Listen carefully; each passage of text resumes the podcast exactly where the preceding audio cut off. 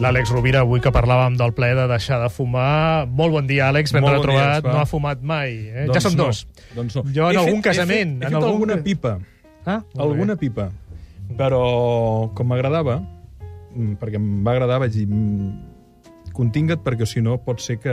Que tinguis que siguis... Perquè és molt agradable, a més tot el ritual, el protocol, i especialment a l'hivern. Fer una pipa és molt agradable. Però no, no, no, he- no he estat fumador, potser n'he fet, no sé, 7, 8, 10, no ho sé, molt poquetes. Un dia podríem parlar també amb l'Àlex Rovira de les addiccions, eh? d'un altre tipus d'addicció, eh? addicció eh, més emocionals. Quins buits ens omplen, no? Perquè al final una addicció no és més que... Tapar. Jo crec que set d'amor. Set d'amor. I tant, és set d'amor um, despistada. En parlarem, en podem parlar un dia. Avui, amb l'Àlex, eh, volíem tocar una definició diferent d'èxit. És una definició eh, meravellosa que la va, la va escriure Ralph Waldo Emerson. Recordem que Emerson va ser un pensador, un filòsof, un gran poeta nord-americà, transcendentalista del segle XIX, que va deixar un llegat eh, de reflexió, d'espiritualitat, de consciència extraordinari i, i que va deixar l'empremta que va portar doncs, a, a, a molts filòsofs contemporanis que han begut d'ell. No?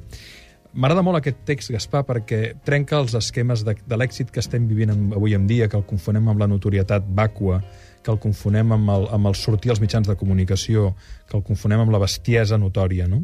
Emerson diu sobre l'èxit guanyar-se el respecte de les persones intel·ligents i l'afecte dels nens, valorar la bellesa de la natura i de tot el que ens envolta, buscar i fomentar el millor dels altres, donar el regal de tu mateix als altres sense demanar res a canvi, perquè és donant com rebem. Haver complert una tasca, com ara salvar una ànima perduda, curar un nen malalt, escriure un llibre o arriscar la teva vida per un amic.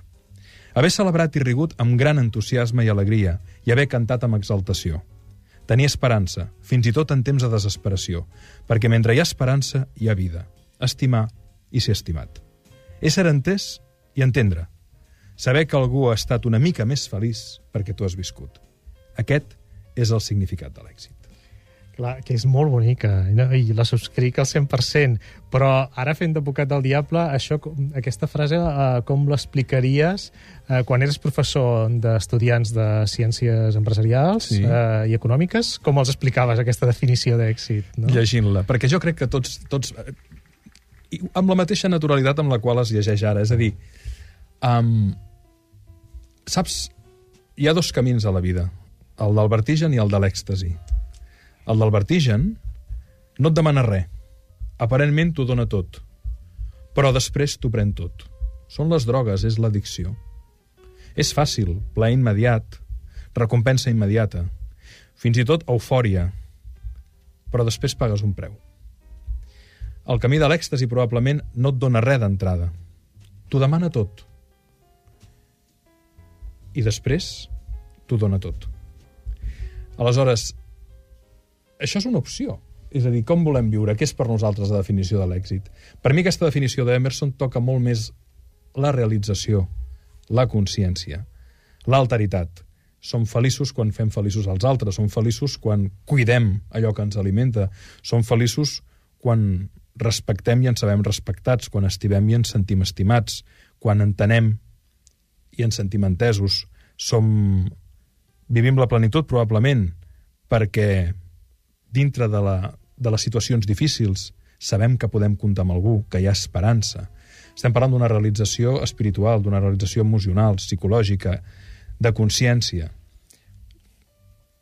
que la seva tangibilitat és interior, que la seva, que la seva empremta no queda en lo material, però queda amb el pòsit de l'existència, perquè som experiència. Estem, estem parlant no d'alimentar un jo-idea, estem parlant d'alimentar un jo-experiència, que ens porti a través de l'acció conscient a deixar millor la realitat que hem trobat.